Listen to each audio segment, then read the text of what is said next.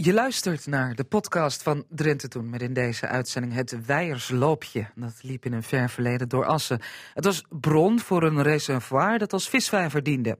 Weijersstraat, Weijersloop en Weijerspoort houden tegenwoordig de herinnering levend aan het verdwenen stroompje dat voor de HEMA en door Warenhuis van der Veen liep.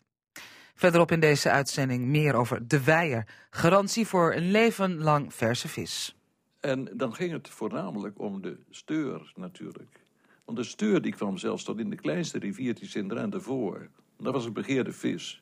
Een lekkere vis. Een lekkere vis. Grote ja. vis. Ja. En de, de nonnen die lusten natuurlijk wel een uh, vrijdags een visje. Henk Luning hoorde u. En wat te denken van gans, mijterpastijtjes, mandarijnenpietjes, slim met anijs en nog veel en veel meer.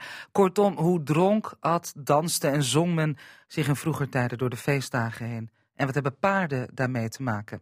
We praten erover met culinair etnologe Carolina Verhoeven en literatuurhistoricus Henk Nijkeuter.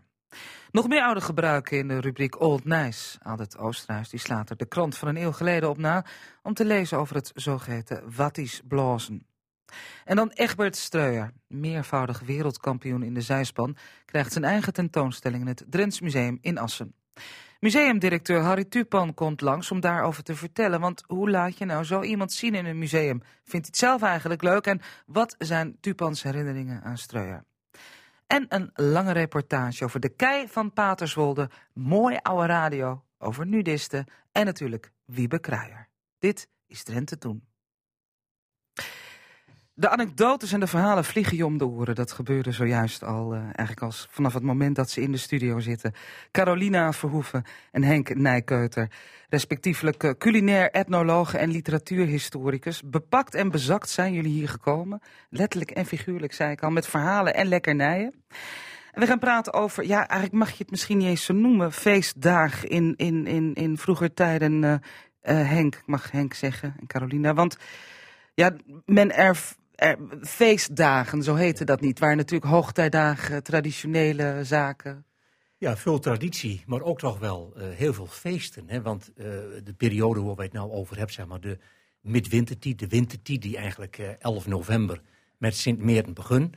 En er wordt wel gezegd van eigenlijk moet je die periode van 11 november tot aan 2 februari Maria Lichtmis, maar wij hebben hier meer drie koningen, 6 januari. Dan zeggen we dan moet alles wat aan die feestdagen herinnert kerst, dat moet dan Oerhoesweden.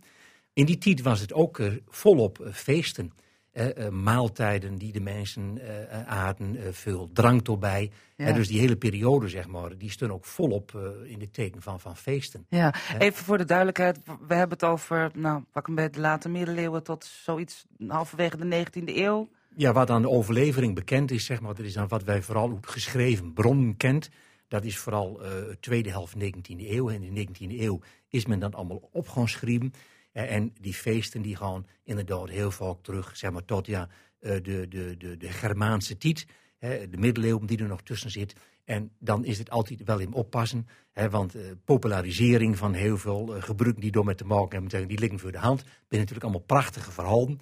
Is ook wel heel veel onderzoek naar gedaan. maar wat wij vooral kent, is de geschreven bron, zeg maar, uit die 19e eeuw. Ja. En um, Carolina, die zit hier ook. Uh, de hele tafel staat vol met eten. En je hebt nog veel meer meegenomen, Carolina. Dus heb je rolletjes bij je. Gaan wij het gesprek met jou voeren aan de hand van je rolletjes? Of, uh... ja, ja, ik wil er even terugkomen op de feestdagen. Want je moet je voorstellen, in 100 jaar geleden waren de tijden waren hard. Het was hard werken. En mensen leefden toch van feest naar feest. En je moet niet vergeten, de herfst was geweest, de voorraad lag in de kelder, de avonden waren langer, hè, de, de, dagen waren korter. En men, men had ook iets meer om te eten. Dus ja, je begint dan toch de, de feestdagen in te gaan met wat lekkers. Want je zit met elkaar ja. om de tafel en daar was meer tijd voor. Ja, en misschien was het ook wel veel belangrijker, want wij kunnen op vakantie wanneer we willen, of hè, de meeste dan. We, we, we, kunnen aardbeien met kerst eten, want die komen dan uit een ander land. Ja. Maar en, en, en, en het was, wat Carine zei, no, ook, ook uh, noodzakelijk voor die mensen. Want als je eh, 11 november pakt, zeg maar, ook uh, de maand van de slacht. Om die winter te overleven, zeg maar, mus je inderdaad het vlees. Je had geen diepvries en koelkast. Dus je moest dat allemaal zo voor elkaar maken. Dat je ook over die winter het vlees op een gegeven moment voor, voor, voor, voor, voor het gebruik had. Ja, ja. Ja, ik zit. Ja, en er was geen Sound of Music op televisie natuurlijk. 100 jaar geleden. Goed, ehm, we, we hebben de, de, de, de, de feestperiode eigenlijk al een beetje onderverdeeld in deze tijd van het jaar. Dan moet ik nog even van jou weten eh, wat paarden daarmee te maken hebben, Henk. Ja, er wordt wel gezegd, ook deze periode, hè, vanaf eh, eh, november, dan komt er een aantal peerdenheiligen. Heeft te maken met de heilige en het peerd. Hè. Nou, denk aan eh, 11 november Sint Meerten, Sint Martinus, bisschoppen op Sint Peert, hè, de bekende legende van het snieden van de rode mantel, het deel van de mantel aan een eh, arme bedelaar geven. Hè. Ook Martinus, die reed op een peerd. Sinterklaas, hè, natuurlijk heel bekend, eh, natuurlijk ook van de schimmel. Hè. Sinterklaas ook een heilige die op een schimmel zit. En dan een mindere bekende, dat is dan eh, Sint Steffen. Sint Steffen in Drenthe, eh, tweede kerstdag. En Sint Steffen was ook schutspatroon van de Rutters. Heeft ook te maken weer met een gebruik wat op Sint Steffen plaatsvindt, namelijk het Steffen lopen. S'morgens gingen de kinderen en naar de stal. Eh, de arme kinderen vooral gaven dan de koeien een plukje hooi.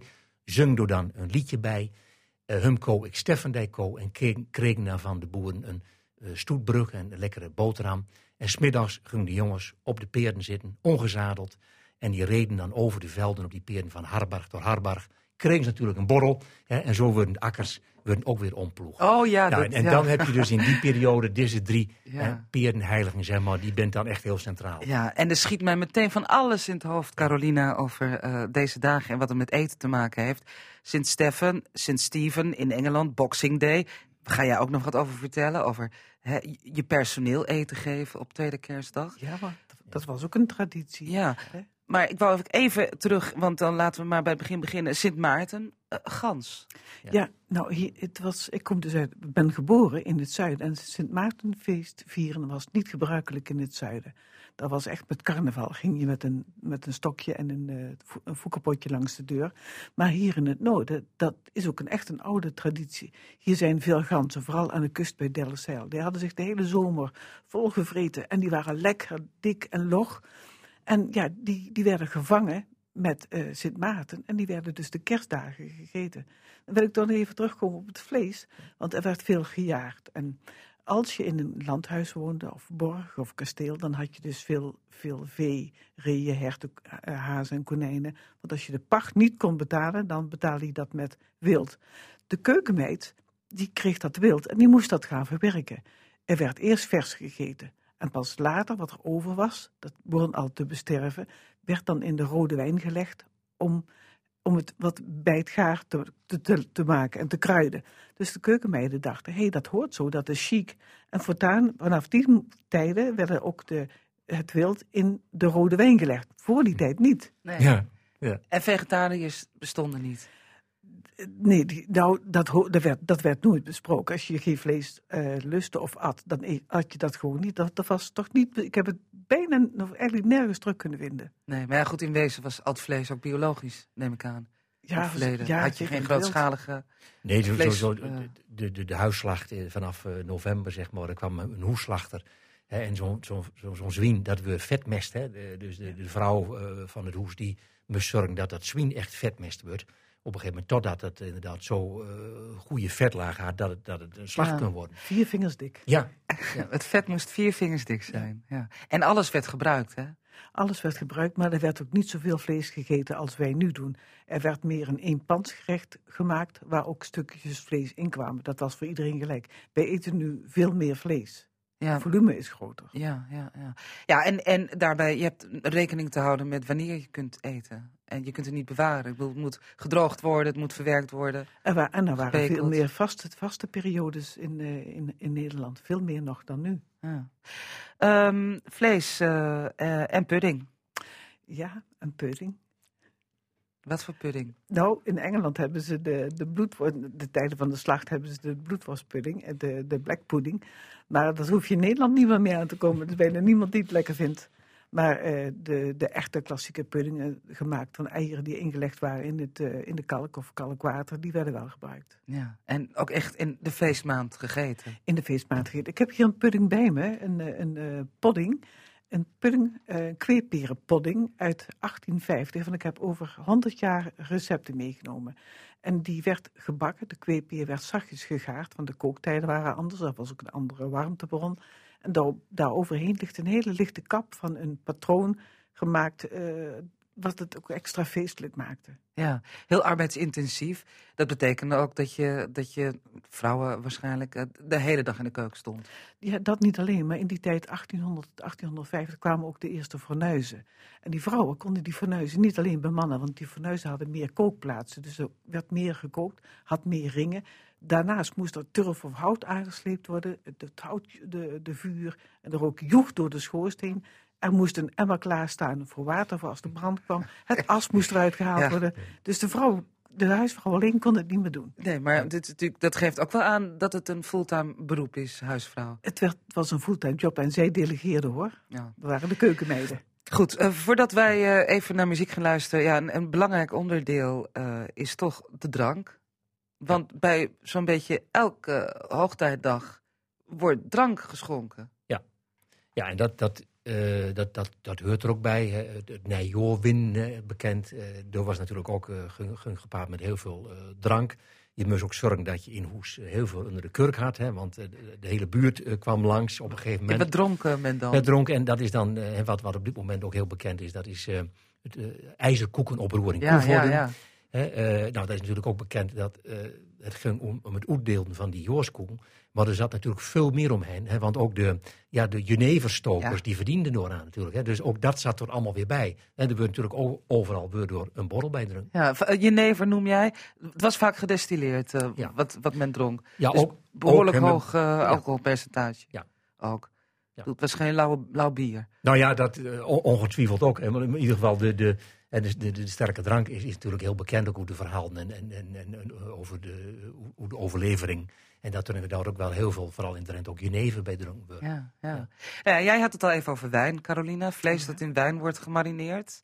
Waar kwam die wijn vandaan? Nou, het waren vaak lokale wijnen, van vlierbessen, van pruimenwijn. Dus er er werden echt van lokale wijnen gestookt. Daarnaast was ook de temperatuurbeheersing. Want je hebt nu wordt, wordt wijn gemaakt in een klimaat. Men had 100 jaar geleden geen controle over het klimaat. Dus bier, je had winterbier, zomerbier, herfstbier. En dat was altijd wisselend. Dus. En daarnaast ook nog de boerenjongens, want voor de vrouwen was er een eh, lichtere versie. Eh, die werd eerst gebruikt als er een geboorte aangekondigd werd. Want dan kwam er een boerjong. En wij hebben dat woord gedialectiseerd. Dat heet nu boerenjongens. ja. Dus dan zie je dat het zachtjes door alle eeuwen heen sluipt als een heel gewoon iets. Maar het is een oeroude drank. Ja. Krent en rozijn had je altijd. Dus eten en drinken. Ja. Dat, eh, dat- nou ja, ja, er is veel veranderd, maar ook heel veel En bedelen, hè? Dus heel veel van die feesten op een gegeven moment ook van we het over hebben. Zit meer, waren eigenlijk waren dat vroeger bedelfeesten hè, van arme mensen. Ook dat. Ja. hè, Het, het, het uitdeelde aan arme mensen. En die arme mensen die later werden dat kinderen. Die gingen ook inderdaad langs de deuren om te, te, te bedelen. Om, om voedsel, Ja. zeg maar. Om, wat- om wat extra's te krijgen om in die periode. Moeten we ook niet vergeten. Het is zeg maar een soort voedselbankactie met een anders. Ja, eigenlijk wel. Goed, wij zitten hier te eten. Wat, dit- wat we nu, dat is de kweeperen. ehm Ja, dit is Eh. de, kweekpe, de kweekperenpodding. Men, men, podding, podding. Ja, men, men bakte van kweekperen, want dat had je in huis. Dan maakte je een soort nagerecht van een dessert. Het is een stijve basis. Het wordt zacht gekookt en er komt er een mooie kap op. Ja. Is dit nou zeg maar middenklasse voedsel, armeluiskost of... dit, Eh, dit is wel eh, rijke luiskost. ja, ja. Dit komt uit een boek uit, eh, uit 18, van 18, met een recept van 1850. En dat hele boek kenmerkt zich door toch wat de luxere gerechten. Suiker. Clara Fontijne, die hier in Assen woonde, die had de eerste suiker. Dus het komt, er, ook, komt ook in deze regio. Ja. En er staat nog meer op tafel. Een soort chocoladerots. eh, Ja, ja ik, ik- dit is dan van 1850 en de laatste is hier een eh, chocolade kerstman eh, uit 1950. En die is zo hard, nou, da- daar kan je je tanden echt niet inzetten. Maar ik wil toch even teruggaan, als het mag, Sophie, tuurlijk. naar, naar de chocoladelet of de banketletter van, Ja. van de eerste P van, van Henk. Eh het paard van Ja. Sint-Nicolaas. De chocoladeletter, de naam zegt het al. eh banket, de letter van banket. Dat, daarmee leerden de kinderen met, van de ouders die een wat ruimere bus hadden, leerden hun naam schrijven. Je hebt strooigoed, je hebt de Sint van Sint-Nicolaas. Iedereen heeft tegenwoordig ook zijn eigen chocoladeletter. Oh, Maar dus ook de letter is- van banket, het is lesmateriaal. Ja. Ach, Ja, dat is wat, wat Carolina zegt, hè, eh, het, het lesmateriaal. Omdat, eh, als je kijkt naar de eh, geschiedenis van het Sinterklaasfeest, nou, daar kunnen we heel veel over vertellen. En maar een van de dingen hè, waar Sinterklaasfeest ook heel bekend mee geworden is, Dat is dat Sinterklaas we viert op de kloosterschool. Afhankelijk, hè, Franse kloosterschool. En op die kloosterschool we natuurlijk ook onderwijs verricht. En hebben we dat inderdaad ook met letters en zo. Een dure methode lijkt ja, me. Kijk, en als we nog naar die popularisering gehad hè, van, van heel veel uh, feesten, uh, feesten. En dan, dan wordt er ook wel gezegd van, hè, dat het ook weer te maken zullen hebben met runetekens. Hè, want in die Germaanse ja. tijd hè, had je die, die, die offeren aan, aan Wodan, Odin. Hè, en dat zal dan in die populariseringen voorlopen weten van Sinterklaas. En dan weer uh, door ook uh, aan, aan, ter ere van Van Wodan, worden die runetekens. Ja. Zeg maar, worden ook al in de bomen hangen die de mensen in die tijd ook al in hoes hadden. Um, Ah. Het groen in Ja. hoes te hebben. En was de samenstelling dan ook al die tijd hetzelfde, Carolina? Eh, deeg met, met spijs? Ja, vooral de spijs, omdat men, men had echt altijd amandelen in huis. En suiker, dat kon je dan bij, bij de bakker halen. Of bij de apotheker, want die had suiker in huis.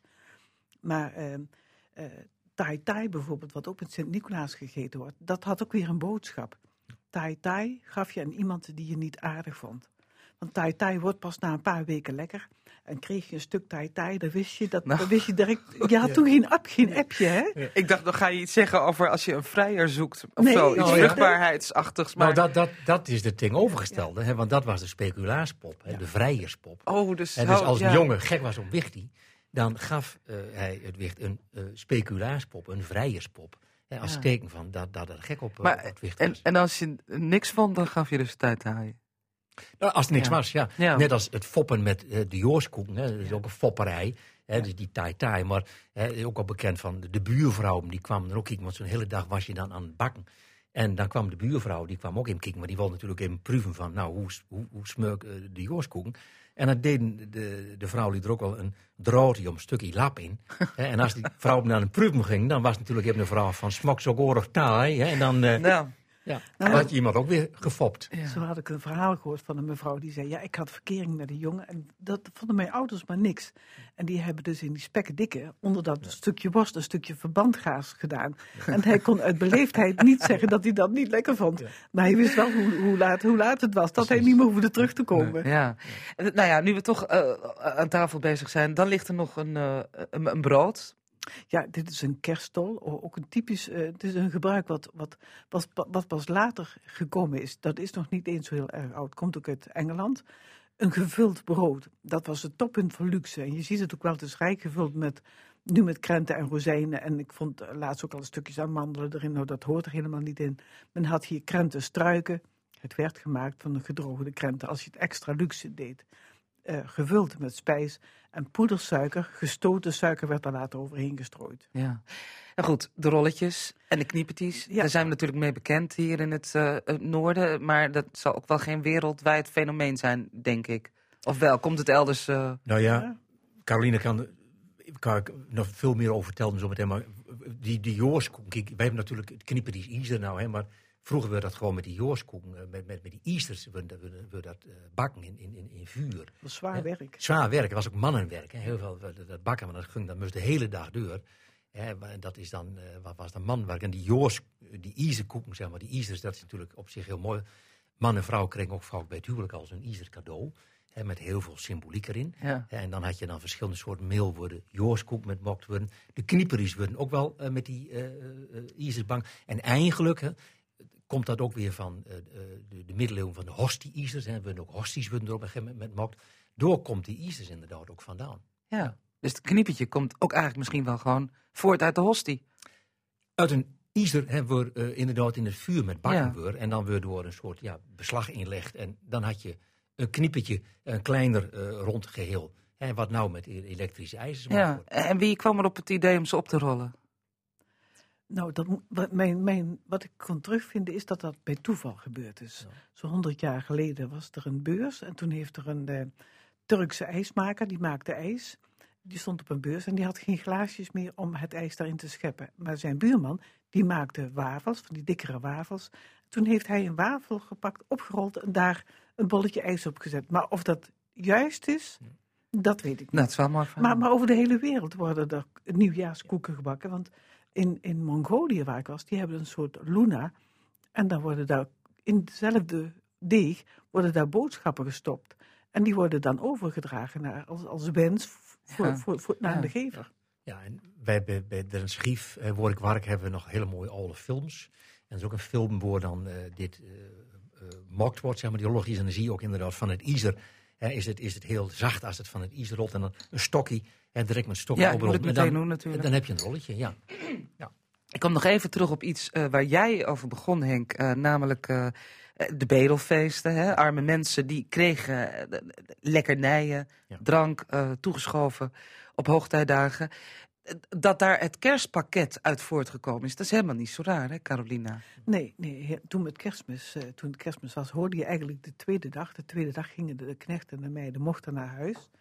En die kregen wat lekkers mee als, uh, als cadeautje, als dank voor het hele jaar werken. En dat was eerst maar een kleinigheid, maar later zijn die kerstpakketten uitgegroeid tot de kerstpakketten met de doosjes, met de blikjes, met zalf, dingen die je ook eigenlijk nooit meer eet. En daar, daar kwam men ook wel tegen in opstand, was overdadig. Men had liever een envelop met geld. Maar het komt wel uit die periode van dat de boeren en de knechten, ja. de, de knechten en de meiden gingen naar huis en die kregen wat lekkers mee. En nu is het een hele industrie, maar dat Ja. komt daar dus eigenlijk vandaan. Het is een soort bedeling. Ja, en, en dat er heel veel feestdagen waren, hè, dat is wel bekend. Want eh, wij hebben nou twee kerstdagen, maar er is een periode geweest dat er vier kerstdagen waren hè, in de geschiedenis. Vier kerstdagen. Dat was dus eerste, tweede had je de derde gewijd aan de apostel Johannes. En dan de vierde, dat was dan de dag van onnozel kinderen. Ja. En dat is langzamerhand is dat, is dat afkalft. En door ben dan twee kerstdagen aan overbleven. Goed, en oud en nieuw, is dat ook altijd een. eh, of, of lag men vroeger gewoon voor 12 uur op bed? Is dat ook altijd een, een, een, grote gebeurtenis geweest? Nou ja, en in zoverre natuurlijk eh, markering van een, een nije periode. Altijd ook met heel veel geheimzinnigheid omkleed. Hè, want eh, heel veel gebruiken herinnert eraan in de zin van eh, als de klok 12 uur sleug. Hè, eh, dat begint al met kerst. Als je dan met kerst in de stal kwam, dan waren de beesten die waren een halve slag omdraaid als eerbied voor het kindje Jezus. Als je naar de bijenkorven loopt, dan hoorde je dat de bijen aan het zingen waren. En in die nacht van, van Oldenij, hè, als je dan om 12 uur de stal in ging, dan zullen de dieren met elkaar kunnen praten. En er wordt wel verhalen over een boer, en die was dan zo nieuwsgierig. En die hoorde door zijn eigen dood aankondigen, door het peert, hè, wat dan ook aan het praten is, weet je wel. Dus heel veel verhalen eromheen. Ja, en natuurlijk was het zo, het, het verjagen, hè, vroeger met het, het joelen, hè, het wegjoelen van de, de kwade geest, het nije joor met een schone lei, nijlei beginnen. En leggen nije over je. Ja, dat, dat is natuurlijk inherent aan al deze gebruiken. En slepen? Ja, dat slepen, hè, ook, er wordt wel gezegd, en dan ben ik weer met die popularisering Ja. bezig. Hè, en van, van dat, eh, kijk, in die, in die, in die, in die joeltiet, hè, die midwintertiet was dan de joeltiet, dat Wo dan weer terugkwam. En er waren twaalf dagen, twaalf gewijde nachten, wijnachten. En de dertien dag, hè, eh, drie koningen, dan is het allemaal afloop. Want als dan, ja, Wo dan kwam met de, het leger van, eh, van overleden voorvaderen, de wilde jacht op aarde, dan was het zo, als Wo dan weer terugging, dan was alles wat lust zat bij hoes, dat we met hem. Nou, Ja, door de buurjongens. Zelfs, zelfs de vrouwen zijn mooie, mooie schilderijen over. Zelfs de vrouwen werden meegenomen. Ach, ik weet vreselijke verhalen van dorpen in Drenthe... waar de wat minder populaire buren... eh, Nou, het was voor mij ook een openbaring, want in Brabant deden wij dat niet. Wij hadden ook wat, wat buiten staan en eh, de volgende ochtend was het weg. En zeiden we, wat gek, maar wij vonden wel ander, een kruiwagen in ja, de tuin. jullie zaten binnen worstenbroodjes te eten natuurlijk. Wij zaten, Ja. wij zaten worstbroodjes te eten, ja. Tijd zit erop. Ik, ik, ik, ik, ik geniet van jullie verhalen, maar nou heb je ook nog gedichten meegenomen, Henk. Oh, is, ja. er, is er een passend gedicht eh, dat Nou je ja, voor kunt dragen? Ja, passend. passend. Ik, ik was eigenlijk nog wat bleven bij die, die wilde jacht, zeg maar. Hè, van, van, eh, hè, dat, dat, dat Wo dan terugkeert eh, op aarde. En worden allemaal weer eh, popularisering overgeet over. En dat Wo dan Sinterklaas is. En zo gaan we dan dat joordeur. En wat denk ik nog heel mooi is om te zeggen van... Dat, je had het net over dat slepen. En dat je ook dat ziet met heel veel eh gebruiken. Dus die, dat de wereld op zijn kop zet wordt. Hè. Dus je draait de wereld om. En dat kan in deze tijd nog hebben. Want het nije joor moest alles weer keurig netjes weten. Dus dit was een hele mooie periode om alles ook nog eens even meer op de kop te zetten. En ja, dat gedicht, dat is dan van Johanna Hendrika Bergman-Bijns, molenaarsdochter uit Burger. Heel erg geïnteresseerd in die volkskunde. En zij heeft dan een gedicht geschreven over die wilde jacht in die novembermaanden. En dat Wodan dan terugkeert hier op aarde. En dat geeft dan als vol wilde jacht. Het spoekt op de heide door gun in het veld. Doorreur hij de hond die bleek met geweld. En hij lust het, hij rondkiekt, dan weet hij het wel. Een troep wilde jagers met hoorngeschal. De peerde die trappelt, zie guntert en snoeft. De kerels die jaagt, dat zie klettert en stoeft. Zie zoest door de wolken, zie riet in de sprong, door hoog in de lucht. Al begreep hij het niet, jong. Dat volk giet uit jagen met razend geweld. Door is hun tiet van weeromkom stelt. Ze moet ze ook wel hossen, want gauw geet de tiet. En als ze niet de sprong doet, dan holt ze het niet. Het krookt in de boom en wild boest de wind. Roeg joog de wolken die toesterig zint. En hij groot loert, dan zei hem, maar lang niet elk een door is hoogst. Geen starveling die wo dan kan zien. En dat is me goed ook, denk ik dan. Dat is wel goed. Ja.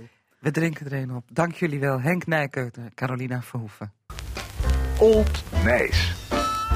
Al sinds mensenheugenis bent er rond de jaarwisseling allerlei oude gebruiken en ook wel hele bijzondere gebruiken getuigen een kraant die hier voor mij ligt van exact een eeuw geleden het Nijsblad van het Noorden van 31 december 1918.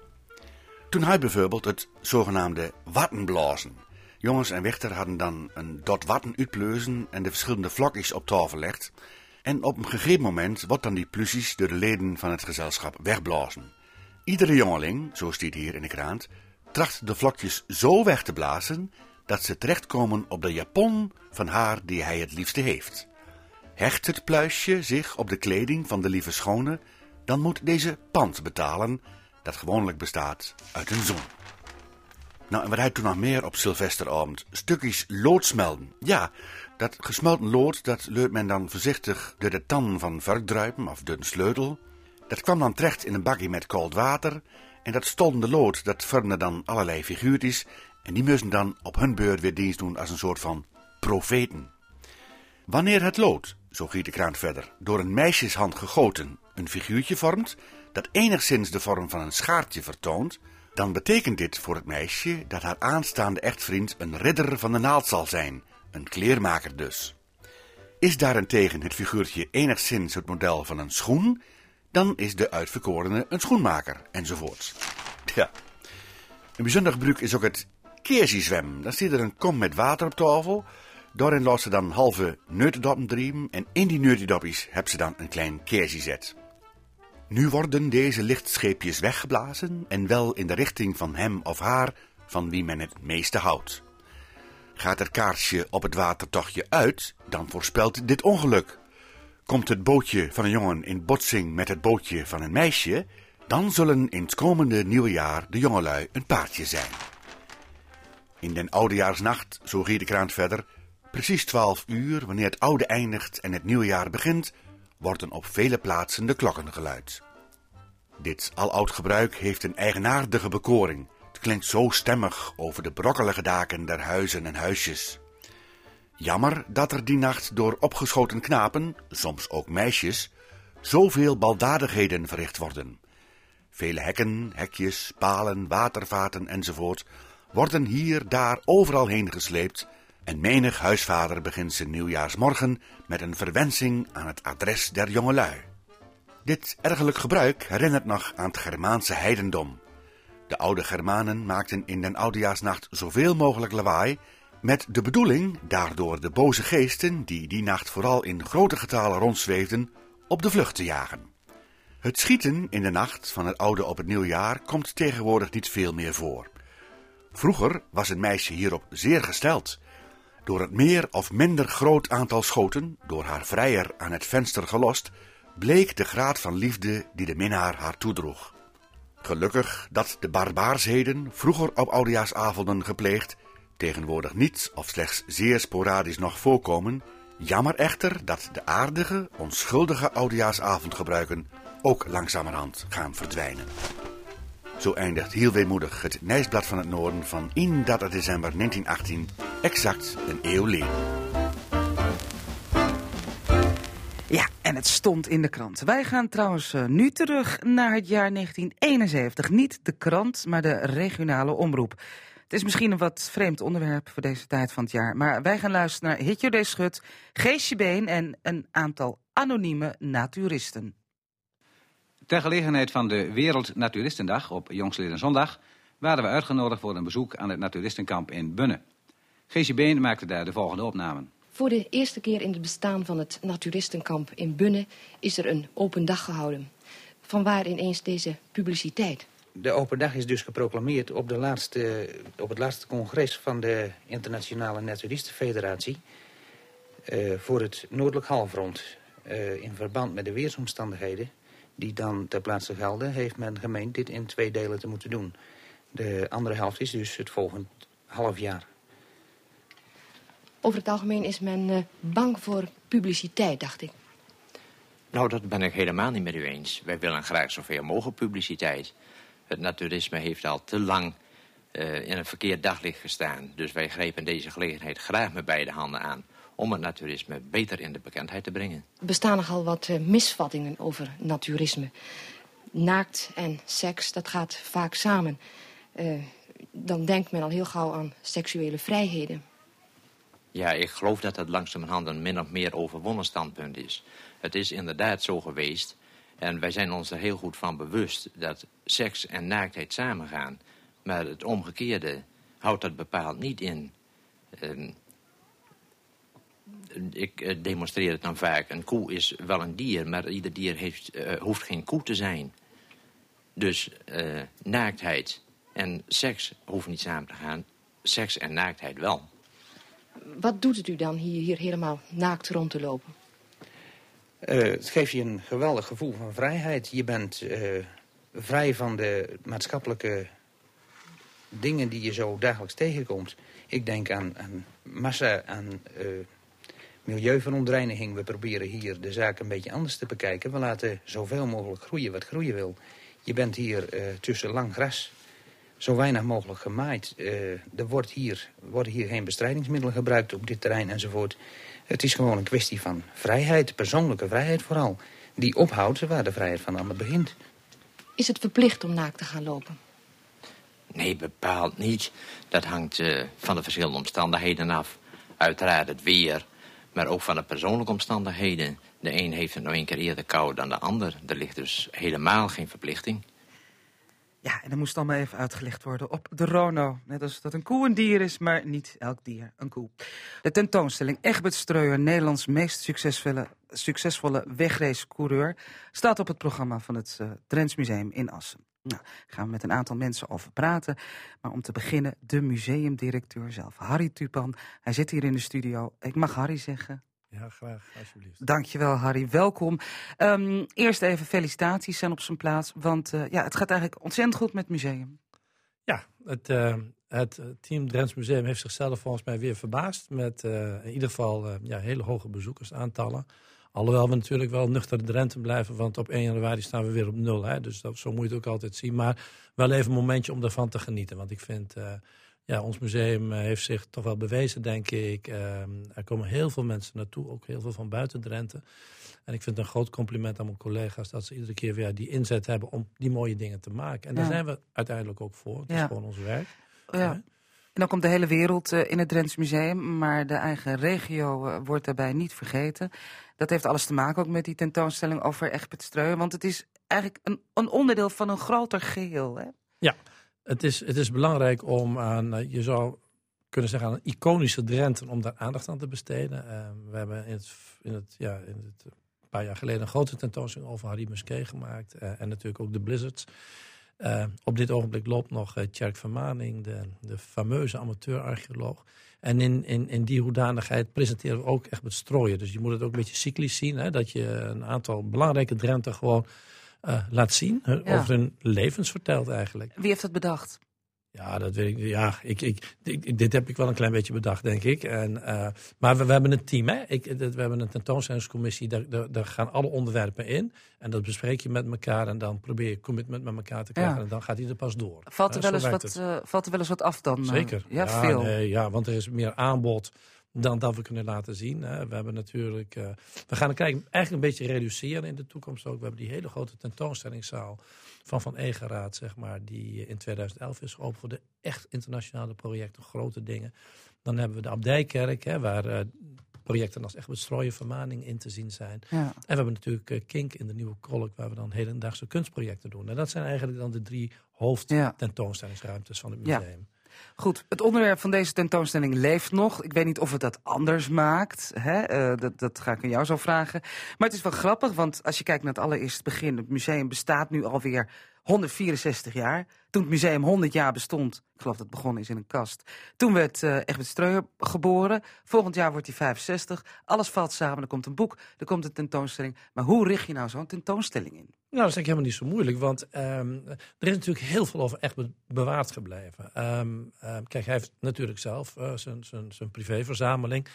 Denk aan de trofeeën, denk aan de motorpakken. Hij heeft, uh, hij heeft de, de, de oude uh, zijspan is helemaal gerestaureerd die er komt te staan. En waar hij hele grootse triomfen mee gevierd heeft. Er is gewoon heel veel. Er is zoveel over die man. En, en dat is natuurlijk erg leuk om dat te laten zien. En dan gaan we in verschillende thema's gaan we dat aanvliegen. Zodat je een beetje een overzicht krijgt van ja, hoe, de, hoe het leven van Egbert Strooijer er, eruit ja. gezien heeft. En uh, als je het dan over die thema's hebt, dan heb je het over hem als sportman, maar ook over hem als de professor. Wat wordt daarmee bedoeld? Ja, nou, Egbert is een techneut. En uh, uiteindelijk gaat het natuurlijk allemaal om techniek. En daar kan hij geweldig over praten. Hij laat daar, uh, ja, hij weet daar gewoon veel van. Heeft hij ook in teamverband altijd gedaan. En, en daardoor is hij ook uiteindelijk zo succesvol geworden. Dus dat professor, dat slaat natuurlijk ook om zijn technische kunnen en zijn mogelijkheden. Hij heeft natuurlijk altijd, als kind begon hij al met brommetjes, uh, zeg maar. En dat is, dat is uh, ja, uitgegroeid tot zoiets groots. Ja. Moet je dan ook toestemming vragen aan, aan, aan iemand als je een tentoonstelling over hem of haar wilt houden? Nee, dat, dat hoeft eigenlijk niet. Uh, het is natuurlijk wel heel netjes als je iets doet dat je wel bij degene waar het over gaat, dat je, dat je daar langs gaat om het te overleggen. Nou, ja. Dat heb ik ook gedaan. Ja. He, ik heb echt met eerst opgebeld en uh, nou, toen, ja, toen, toen viel het een klein beetje stil aan de andere kant van de telefoon. Want dat kan ik me ook voorstellen. Hij moest erover nadenken. Hè, van ja, wat gaat er dan gebeuren? Dus vervolgens ben ik uh, ja, naar zijn huis toe gegaan. En heb gewoon heel rustig met hem over het idee gesproken. En dat, dat beviel uiteindelijk wel. Ja. En, uh, dus, dus je vraagt wel toestemming, tuurlijk. Want ik ken hem ook als bescheiden man. Ja, en dat is ook zo, juist mooi dat je uh, voor een bescheiden man een, een groot eerbetoon kunt doen. Hè? En, en het, het gaat natuurlijk, uh, Egbert is ook overstijgend. Als je dan kijkt naar, naar wat hij betekend heeft voor de motorsport, dat, dat overstijgt bijna wat een gewoon mens van zichzelf meebrengt. En dan wint hij nog 22 keer. Natuurlijk met zijn bakkenisten 22 keer een Grand Prix. Hij wint Assen uh, twee keer. Hij wordt uh, uh, een paar maal wereldkampioen. Dat is natuurlijk heel ongelooflijk. En wij zijn een motorsportland. En Assen is een motorstad. als je dat allemaal bij elkaar haalt, dan heb je toch een ja. goed verhaal, denk ik. Maar mensen met, een, met zo'n achtergrond, dan maakt het misschien ook niet eens zoveel uit wat ze doen. Want hun leven is interessant genoeg om er een expositie over te maken. Dat klopt. En vaak zie je dat, dat zo'n leven dan meer in, in, boekvorm uh, wordt neergevleid. Hè? Dat je een biografie krijgt, echt om te lezen. Want niet iedereen heeft natuurlijk zo'n zo'n arsenaal aan spullen om zich heen verzameld. En, en, en bij zo'n bij zo'n als Egbert uh, kon dat wel, maar met Musquet kon dat ook bijvoorbeeld. Omdat er natuurlijk heel ja. veel, of het nou cd's, platen, LP's, singeltjes, uh, affiches. Je kunt niet zo gek bedenken of het is er nog ja. gewoon. Ja, Harry, uh, jouw herinneringen aan Egbert. Um, je zei het al, dus als een jongen. Leerde jij hem kennen door de sport of kende je hem daarvoor al? Nou, ik kende hem niet persoonlijk goed. Ik, ik had hem natuurlijk wel vaak gezien, weet je wel, zoals bij, bij Hofstegen en Grollen of zo. En dan van hoi hoi, maar niet, niet echt kennen. Hè? En ehm, maar ik, ik, eh, laat ik het zo zeggen, ik denk dat hij mij niet kende, maar ik kende hem wel. Want ik ging natuurlijk ook naar die TT hè, uh, uh, in het weekend op het fietsje, gewoon naar het circuit. En dan kijken naar de zijspaanraces die toen nog in het hoofdprogramma zaten. Ja. En dat was natuurlijk wel wat, uh, dat je zo'n man daar gewoon ziet winnen, weet je, met, uh, met Bernard Snieders in de bak. Ja, dat Geweldig. was uh, natuurlijk, hij was toen al, had toen al geglorieerd op podium elders, maar nooit in Assen zelf. Nee. 27 juni 1987. Ja, dat was ook heel bijzonder. Ja. Winnen voor je eigen thuispubliek. Ja, man. En, en nou, wij, wij, gingen daar dus ook naartoe. Op de fiets. Nou, toen al gewoon door, door alle troep door de stad heen. Nou, dan overwitten maar naar het circuit toe. Uh, tussen de tenten door. En daar lag nog een of andere spul ligt dan nog in de sloot. En nou ja, dan kom je uiteindelijk bij zo'n circuit aan. Nou, dan uh, lekker gewoon op het taluut zitten uh, in de bocht. Ja, en dan wachten tot alles afgelopen is. Want dan begon het, hè? Dan begonnen de zijspannen. Ja. En, uh, nou ja, en, en dan zie je Egbert daar uh, met Bernard voorbij uh, razen gewoon. Onder heel groot enthousiasme. En dan vervolgens ook winnen. En dat moet voor hem toch een ongelooflijk bijzonder moment zijn geweest. Ja. Want ze hadden al veel gewonnen, maar niet Assa. Bernard Schnieders, die, die, die leeft niet meer. Um, hij, hij, komt wel in het boek voor van Natasja Keizer. Daar zullen we binnenkort uh, over spreken in dit programma. En dan geven we die boeken ook weg. Het is er gewoon nog niet. Wanneer is de tentoonstelling er? De tentoonstelling die gaat op uh, 10 februari uh, volgend jaar open. Dus, uh, en dan loopt die meer dan een half jaar, tot 1 september. Dus mensen hebben volop gelegenheid om te kijken. En wat ik nou zo leuk zou vinden, is dat de Drenten er ook naartoe gaan. Hè? Want, want dit, dit is toch een man die veel voor ons betekend heeft op sportief gebied. Hè? En het is een, een, een bescheiden man. En uh, het zou zo mooi zijn om eens een keer op die manier kennis te nemen van, uh, van, zijn, van zijn grandioze prestatie die die voor ons, voor ons Drenthe uh, betekent. Maar betekent dat dan dat, dat zie je wel vaker, mensen gaan in hun eigen stad, dorp, niet zo snel naar een museum, wel elders. Doel je daarop, op dat fenomeen, dat er nog niet genoeg Drenthe naar het museum gaan? Nou, ik, ik hoop natuurlijk altijd op meer, want het Drents Museum is er ook primair voor, voor de inwoners van Drenthe. En natuurlijk verder buiten, maar we zijn het Drents Museum. En uh, het is natuurlijk heel fijn dat we ook uh, veel mensen uit Drenthe naar ons toe krijgen. Dat zag je, je hebt hem al een paar keer genoemd bij de tentoonstelling over Harry Musquet ook. Dat er zoveel mensen kwamen. Want dit is ook een stukje nostalgie. Hè? Dit, dit, het is een soort collectieve herinnering. Ja. En als je dan in zo'n tentoonstelling staat of je leest, leest, thuis lekker dat boek na, dan komen al die dingen die je nog weet van vroeger, die komen boven. En dat maakt zo'n tentoonstelling zo leuk. Ja, ook bij jou hè, die herinneringen. Ja, tuurlijk. Man, ik, ik vind dat zo prachtig. Kijk, ik vind wel eens, uh, we hebben het er wel eens vaker over gehad, hè, de, de bescheidenheid van, van, van de Drent. En dan denk ik, man, uh, er komen zoveel belangrijke en leuke mensen uit deze provincie. En die hebben zulke mooie dingen gedaan. Het is ook leuk om het af en toe eens te tonen. Ja. En dan ook van jezelf kunnen genieten. Ja. En, en, en, en dat moet je gewoon bij ons uh, doen bij de tentoonstelling van Egbert. Uh, nog even, even samen hardop fantaseren op de radio. Wie, wie staat er nog meer op je lijstje voor, nou pak een beet, anderhalf jaar of zo? Ah, dat, dat, dat, dat vind ik altijd lastig om te zeggen. Want dat, uh, ik heb gewoon een lijstje nog. En uh, dan moet je misschien ook wel eens een beetje in de richting nog weer van de muziek denken. Hè? En het hoeven ook niet altijd mensen te zijn van heel lang geleden. Het kunnen ook misschien uh, mensen zijn die, die nu nog een actieve carrière Daniel hebben. Daniel Loos? Weet ik niet. Daniel heeft natuurlijk al een ja. keer een mooie tentoonstelling gemaakt. Maar ik zit nog wel aan, aan iemand anders te denken. En je gaat, ik, ga, ik ga het echt niet vertellen nu. Want, want je moet altijd iemand eerst zelf op de hoogte brengen, vind ik. Hè, voordat je gaat zeggen dat je iets van iemand wilt. Dus dat ga ik ja. dan eerst doen. Ja. En dan beloof ik dat ik de volgende keer dat ik het aan je ga vertellen. Ga je ook niet tijdens de plaat doen natuurlijk, die iemand bellen. Nee. uh, ik hoor het al. Ik wens je een uh, fantastische 2019. En uh, we gaan kijken. Dankjewel, Harry Tupan.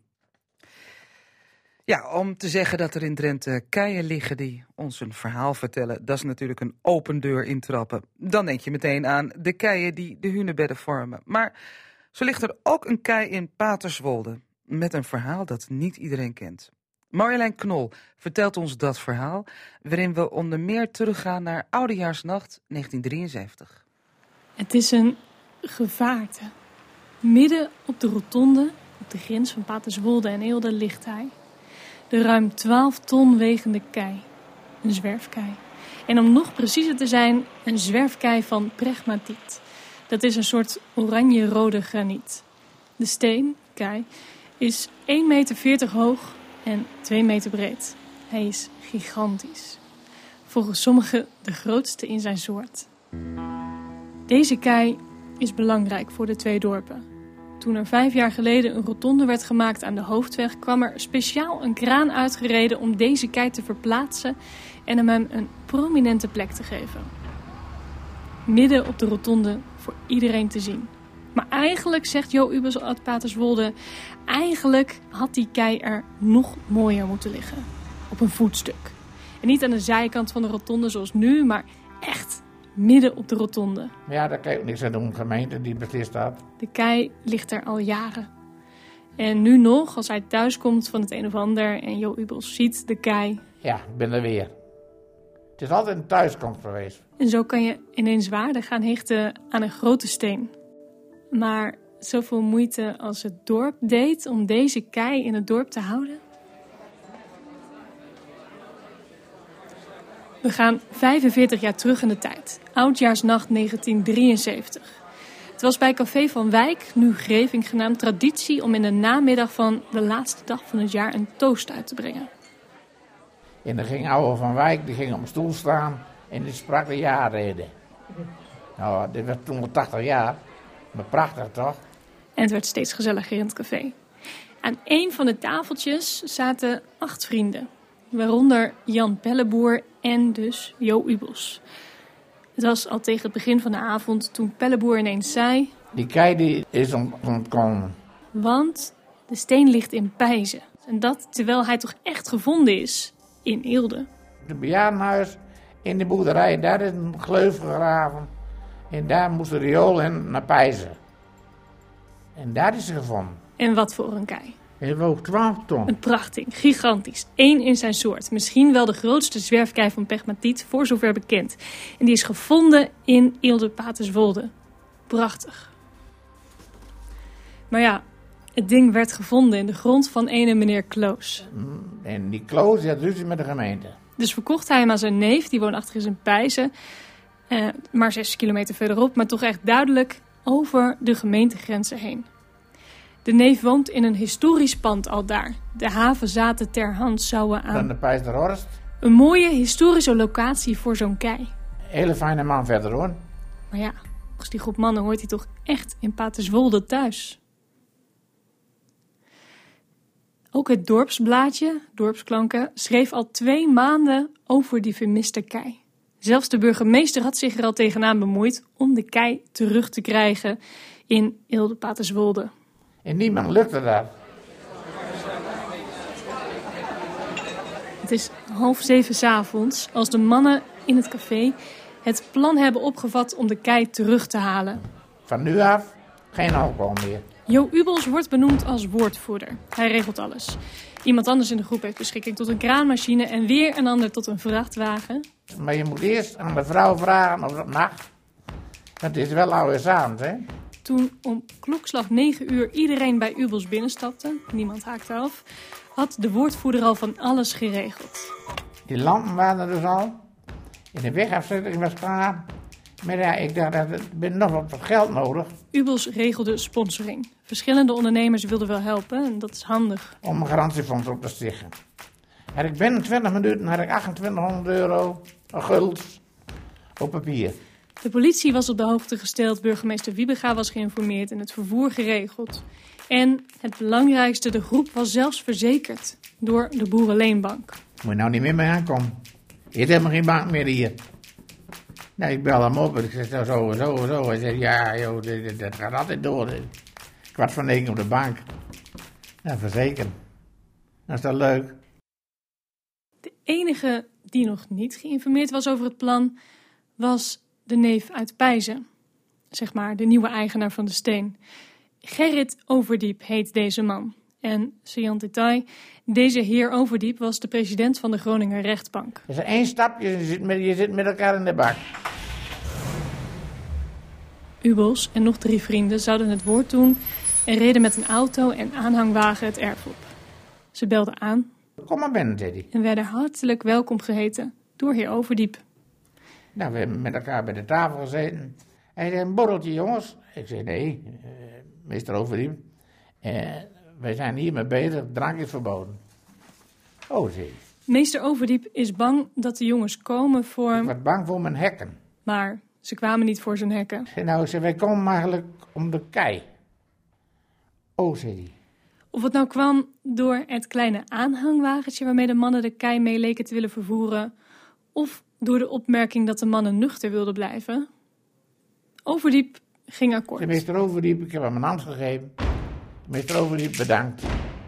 Namens de gemeenschap.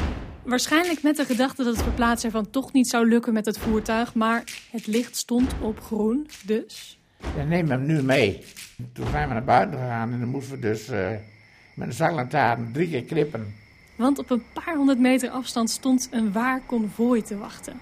Zes auto's met knipperlichten, een vrachtwagen en een hijskraan. Volgens de overlevering aanschouwde Overdiep met enige verbazing hoe de kei vakkundig in de vrachtwagen werd getild en vervoerd naar zijn nieuwe bestemming.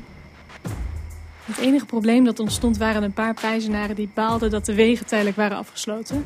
Maar de politie uit Eelde reed voorop en maakte ruimte.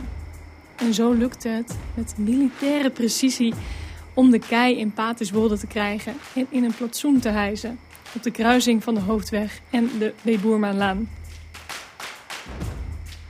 Om klokslag 12 uur stond Ubels op de steen om de toegestroomde belangstellenden toe te spreken. Ja, dat was echt applaus. Ja, dat was wel leuk. Dat is de vrouw van Ubels, Rietje. Zij was er ook bij die avond. Maar ik vind alles goed wat die man van mij doet. Die heeft zo vaker zulke rare dingen. De volgende dag sprak Ubels een van zijn buren. Hij zei, jongens, kom kijken, zei hij. Hij liet de steen zien. Er stond een man op tien, een mooie stunt en hartstikke mooi. En wie zou dat gedaan hebben? Ik heb niet gezegd. Veel te mooi, ja. En door kan zoiets natuurlijk niet lang geheim blijven. Dus al snel werd bekend dat Ubels mede achter die actie zat. Ja, later, toen belde me op. Zei, ben jij een schurk? zei hij. Niet gezegd. Nog even was er discussie of die steen nou gestolen was of niet. Maar de burgemeester was blij met de actie en kwam er al snel uit met de beste heer over die partijzen. De steen bleef waar hij lag. En toen het kruispunt aangepakt moest worden, kreeg hij een plekje op de rotonde tussen Eelde en Paterswolde in. Daar waar hij thuis hoort. En dat verhaal werd ons verteld door Marjolein Knol over de kei van Paterswolde. De Weijerstraat, de Weijersloop, de Weijerspoort. Allemaal namen in Assen die doen denken aan een kweekvijver of bewaarplaats voor vis, die men vroeger in Drenthe een weijer noemde. In Groningen heet het overigens een viskenij. In het Drentse land treffen we een aantal van deze historische visvijvers aan, maar er moeten nog veel meer zijn geweest, waarvan de ligging nu niet meer te achterhalen is. Historisch onderzoeker Henk Lunning die duikt erin. Met een weier gaan we, moeten we dus heel ver terug in de tijd, eh, eigenlijk naar de middeleeuwen. En dan kom je bijvoorbeeld voor Assen kom je terecht bij het klooster in Assen. En eh, er is dan wel eens gevraagd van, eh, ja, waarom, waarom nou het klooster in Assen daar gevestigd is of zo. Maar het klooster lag natuurlijk wel aan drie rivieren. Nou ja, dat is een groot woord. Maar eh, drie stroompjes. Loopjes, En ja. daar was dus gelegenheid om zo'n visvijver te maken. Want een visvijver, dat dient er ook voor om dus de vis te kunnen bewaren. En eventueel eh, dat ze ook nog groeien daar. Dus de Eh, vis die kwam aanzwemmen met zo'n, via zo'n waterloopje. Die kwam in die verbreding, in die vijver. En, en hoe ging het dan verder? Hoe zorgde het dan voor dat hij daar bleef? Eh, nou, een visvijver die werd dus aangelegd eh, naast de rivier. Een slootje er naartoe en een slootje eventueel er weer uit. En eh, want ze moesten dus aan stromend water liggen. Eh, en dan ging het voornamelijk om de steur natuurlijk. Want de steur die kwam zelfs tot in de kleinste riviertjes in Drenthe voor. Dat was een begeerde vis. Een lekkere vis. Een lekkere vis. grote ja. vis. Ja. En de, de nonnen die lusten natuurlijk wel een uh, vrijdags een visje. En dus de, de plek Assen is helemaal niet zo gek gekozen voor uh, dat klooster. Er Daar- was dus gelegenheid om vis te kweken, vis in leven te houden. Uh, ja, wij doen daar gemakkelijk over. We hebben tegenwoordig een koelkast en een vriezer, maar dat had je natuurlijk vroeger niet. Dus een visvijver was echt van belang.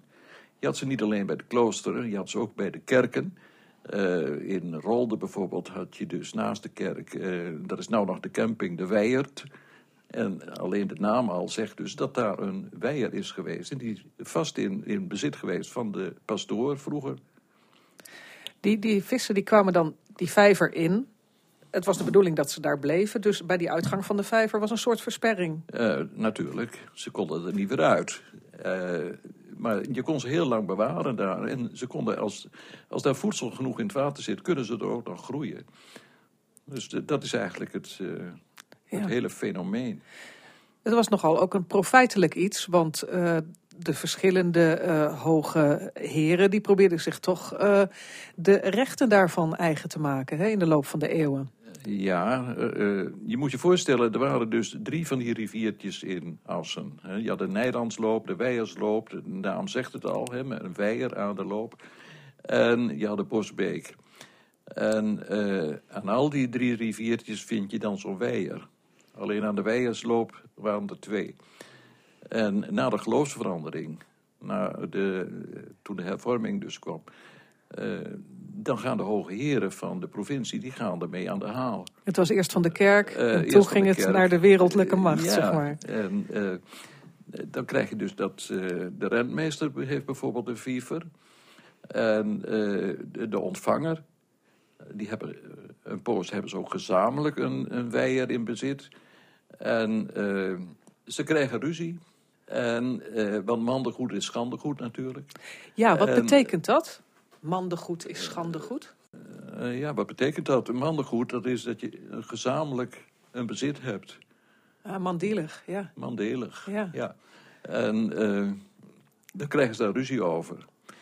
En eh, dan blijkt de domineesviever, die dus ook, die is later gegraven trouwens. De dominee heeft ook zo'n viever en die komt vrij. En dan neemt de ontvanger, die krijgt de domineesviever in gebruik. En dan hebben ze geen last meer van elkaar. Nee, dan is de, de vrede weer getekend. Ja. Maar eh, heb je een idee wat er zo al uit die vijvers kwam? En wat voor aantallen moet ik denken? Hoeveel kilo? Of, of, eh, Eh, dat staat nergens beschreven, dus ik zou het niet weten. Maar je mag aannemen dat het klooster eh, er op vrijdag in elk geval vis van kon eten. Dus zoveel is er toch geweest. Dat is toch behoorlijk wat.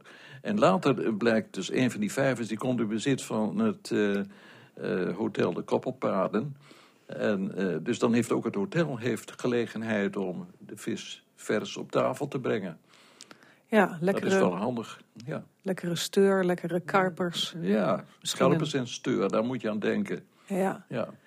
Zeg, en op een gegeven moment dan, eh, dan komt de klad erin, hè? Die vijvers die verlanden. Ja, Waarom is dat?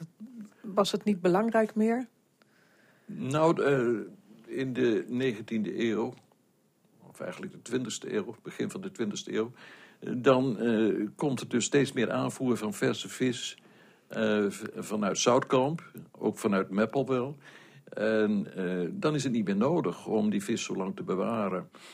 En dan kan men verse, vis eh, kopen in, eh, in eh, Assen. Ja, dat is toch een luxe. Een vijver bij de deur met je eigen spartelverse vis erin. U hoorde een bijdrage van Lydia Tuinman en ze was in gesprek met Henk Luning. In onze gebruikelijke uitsmijter van dit programma, de jeugdherinneringen van de kwieke 80-plusser Wiebe Kruijer. Ditmaal over oud en nieuw, voorgelezen door collega Robert Oosting.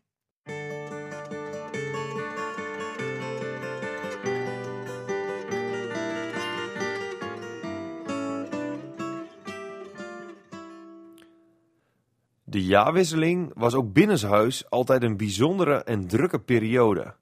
De traditie was dat er tegen nieuwjaar allerlei voorzieningen werden getroffen om het nieuwe jaar goed van start te kunnen gaan. Er kon vanuit worden gegaan dat er op nieuwjaarsdag veel visite kwam en dus moest er worden gezorgd dat er voldoende te eten en te drinken was. Deze versnaperingen werden niet gekocht, maar het was de eer van iedere huisvrouw om de koekjes, de rolletjes, de knijpertjes en de oliebollen zelf te maken. We hielpen mijn moeder altijd graag mee bij het maken van de knijpertjes en het bakken van oliebollen. En het was ook niet bijzonder als we op zo'n dag 8 tot 10 pond meel tot oliebollen verbakten. En bij een dergelijke klus is dan elke hulp natuurlijk welkom. En bovendien is een dergelijke gezamenlijke bezigheid ook wel gezellig. De knijpertjes werden gebakken in een knijpertjestang, die dan in de hete kachel werd gehouden, tot de knijpertjes gaar waren en de juiste kleur hadden. Voortdurend moesten de twee bladen van de tang met een stukje spekzwoerd worden ingevreven om te voorkomen dat de wafeltjes aan het metaal bleven kleven. Met drie personen lukte dit karweitje het beste.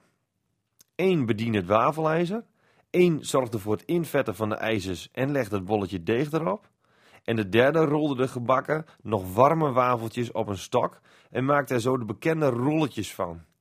Niemand had toen nog van vechtersrolletjes gehoord.